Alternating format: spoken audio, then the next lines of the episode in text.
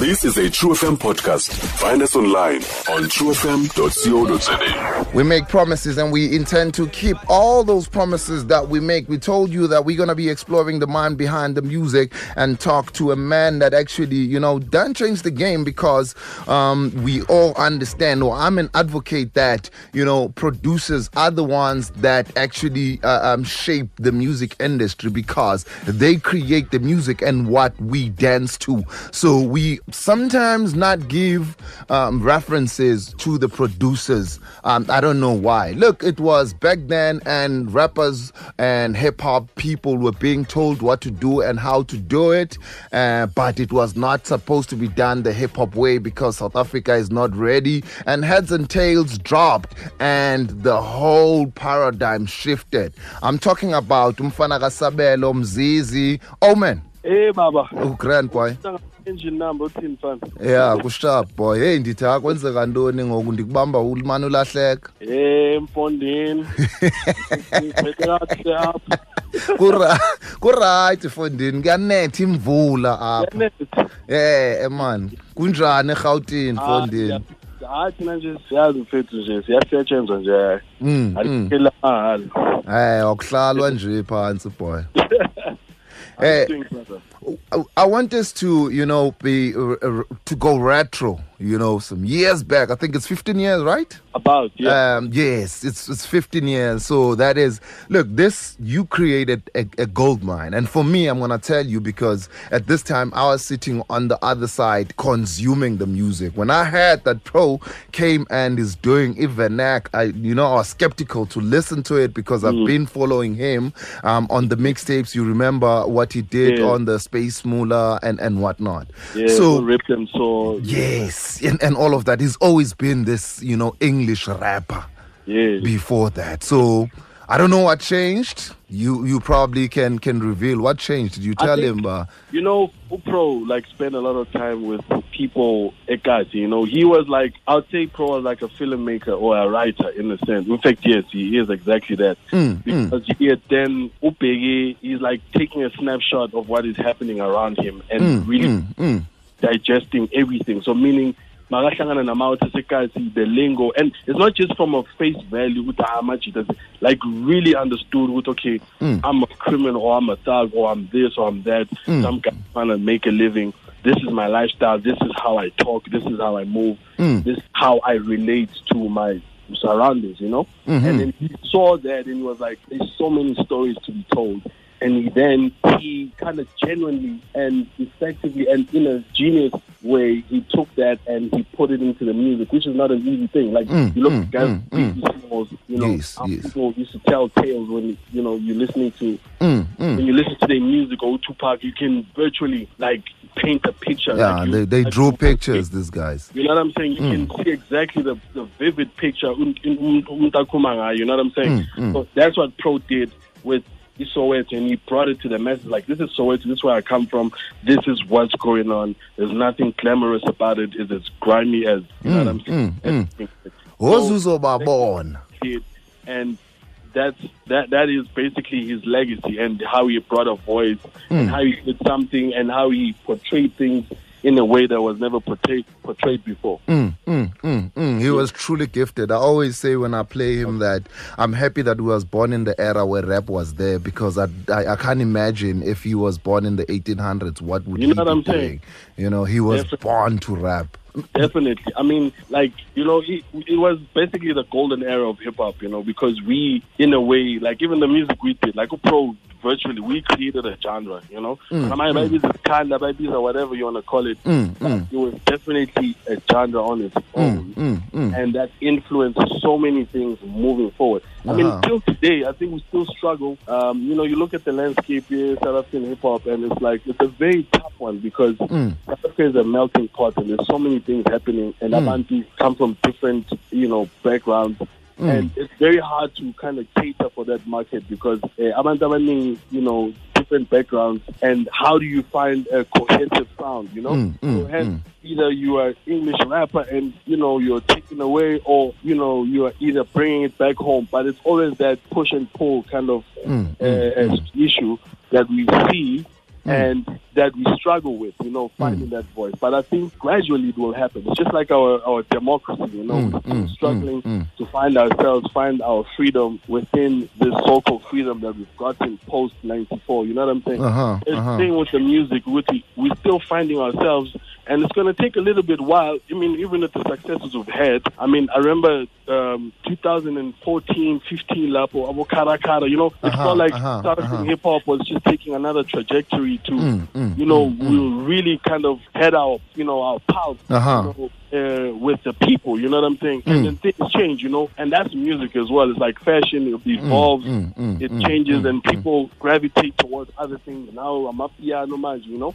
but the beauty of hip hop is we've always found our way, even when classical music was the thing, Mm, even when jazz music was there, we always found a way to, you know, bring the two together and, and add our so-called, you know, uh, uh, Mm, mm, voice creativity. to Let- everything, you know? I, I want to talk about um, Ozobona, the music, the creation. Can you take us through what which, which came first? Like, where were you mentally when you created that piece of work? You know, crazy enough, you know, as producers, um, there's a guy I follow two Raz. You know, he's an American independent artist. He's, Mm. he's not that popular, but he's pop. You know, Mm, one of the mm. things he said was, you know, your best songs are in your hard drive, especially as producers, because we're so critical about our work and everything. Mm, so, mm. He Was a Warner was just part of, you know, beats I made, and there wasn't really much that I placed, you know, emphasis in terms of, oh, I think this is going to be the next thing. No, Mm, wasn't mm. one of those things. So Pro initially had that vision, which, ah, you know what, this is the one. You know what I'm saying? And Mm, he mm. that foresight, you know?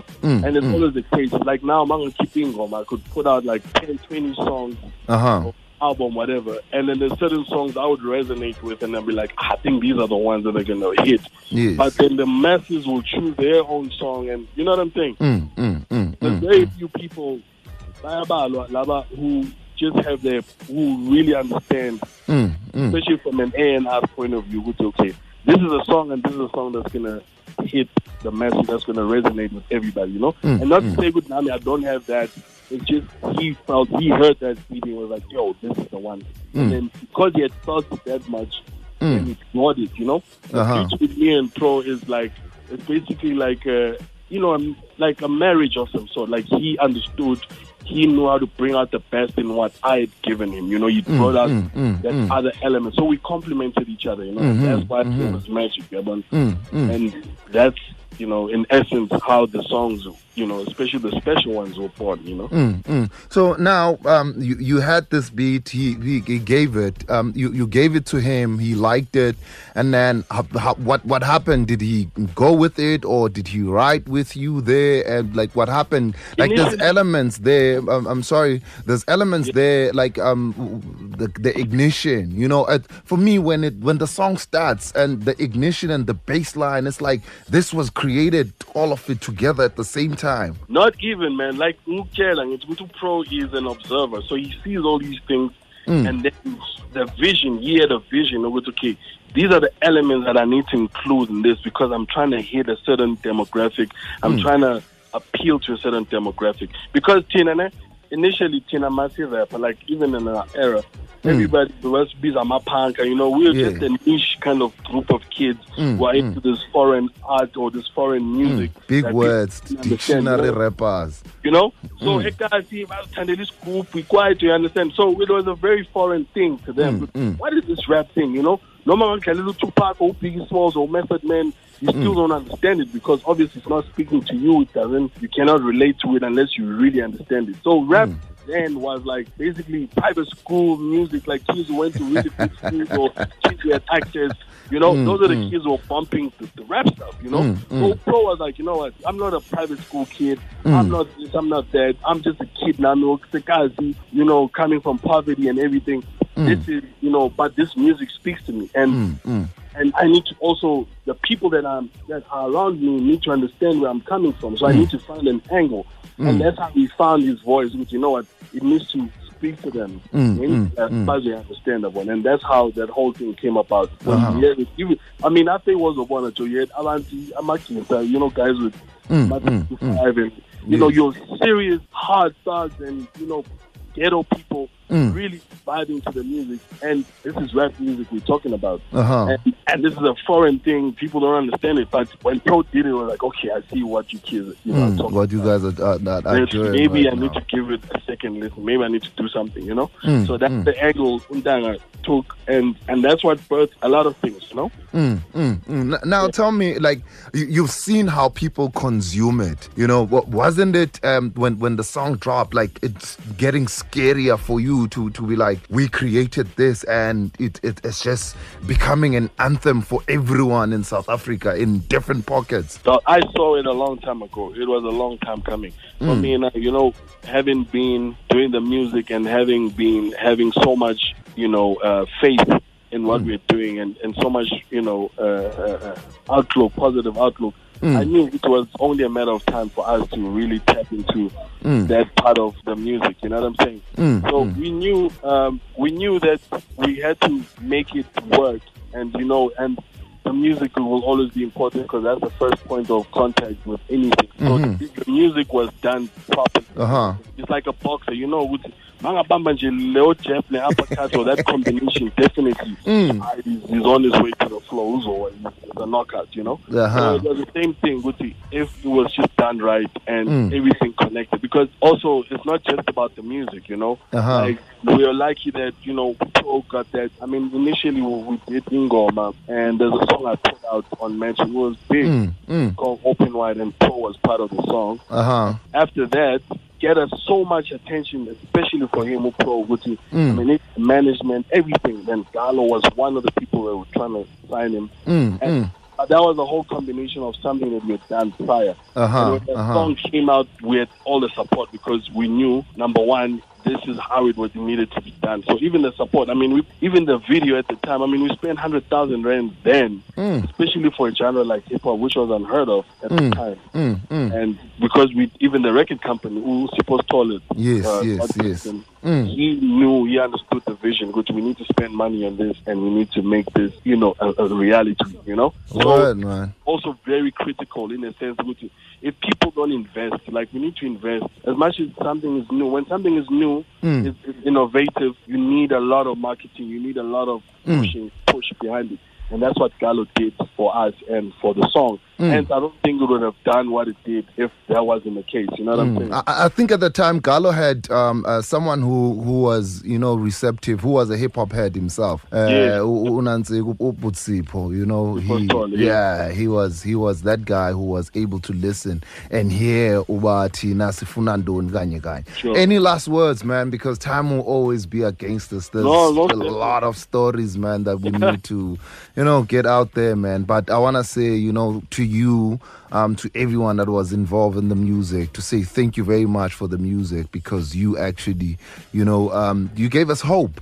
No, definitely. I mean, man, I'll say one thing. Like, music has evolved now, Mm. and so many things have happened. You know, with the advent of you know hip hop. I mean, uh, the internet and so many avenues. People back holla, hey, maybe we die, Eastern Cape, Epai, Emoji, mm, never mm, get out, president. You know, they call, hey, industry, let's open up the industry. The Mm. internet is that's where it's at. You know, Yeah, So- it has opened the you know, industry. woman. So I'm gonna say number one, be yourself. If you're an English rapper, just if you're really authentic, it doesn't matter. You, you know, people feel like yeah, sharp Sims, antique Melo, who represent whatever, but Mm. you can still do it in whatever you're comfortable with. Authenticity, everybody can pick up authenticity. It doesn't matter what language you do it in. You know, as long as we know what you're not trying to be some kind of wannabe. You know, Mm. so all the kids out there, the internet is there.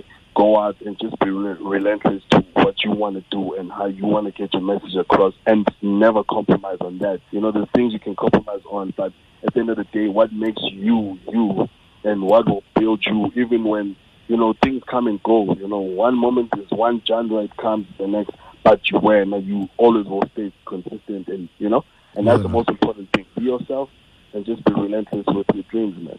Thank you very much, man. Word is bond. That was Omen on True FM like no one else. Stream True FM online on truefm.co.za. sikho yonke indawo ngalo lonke ixesha like no one else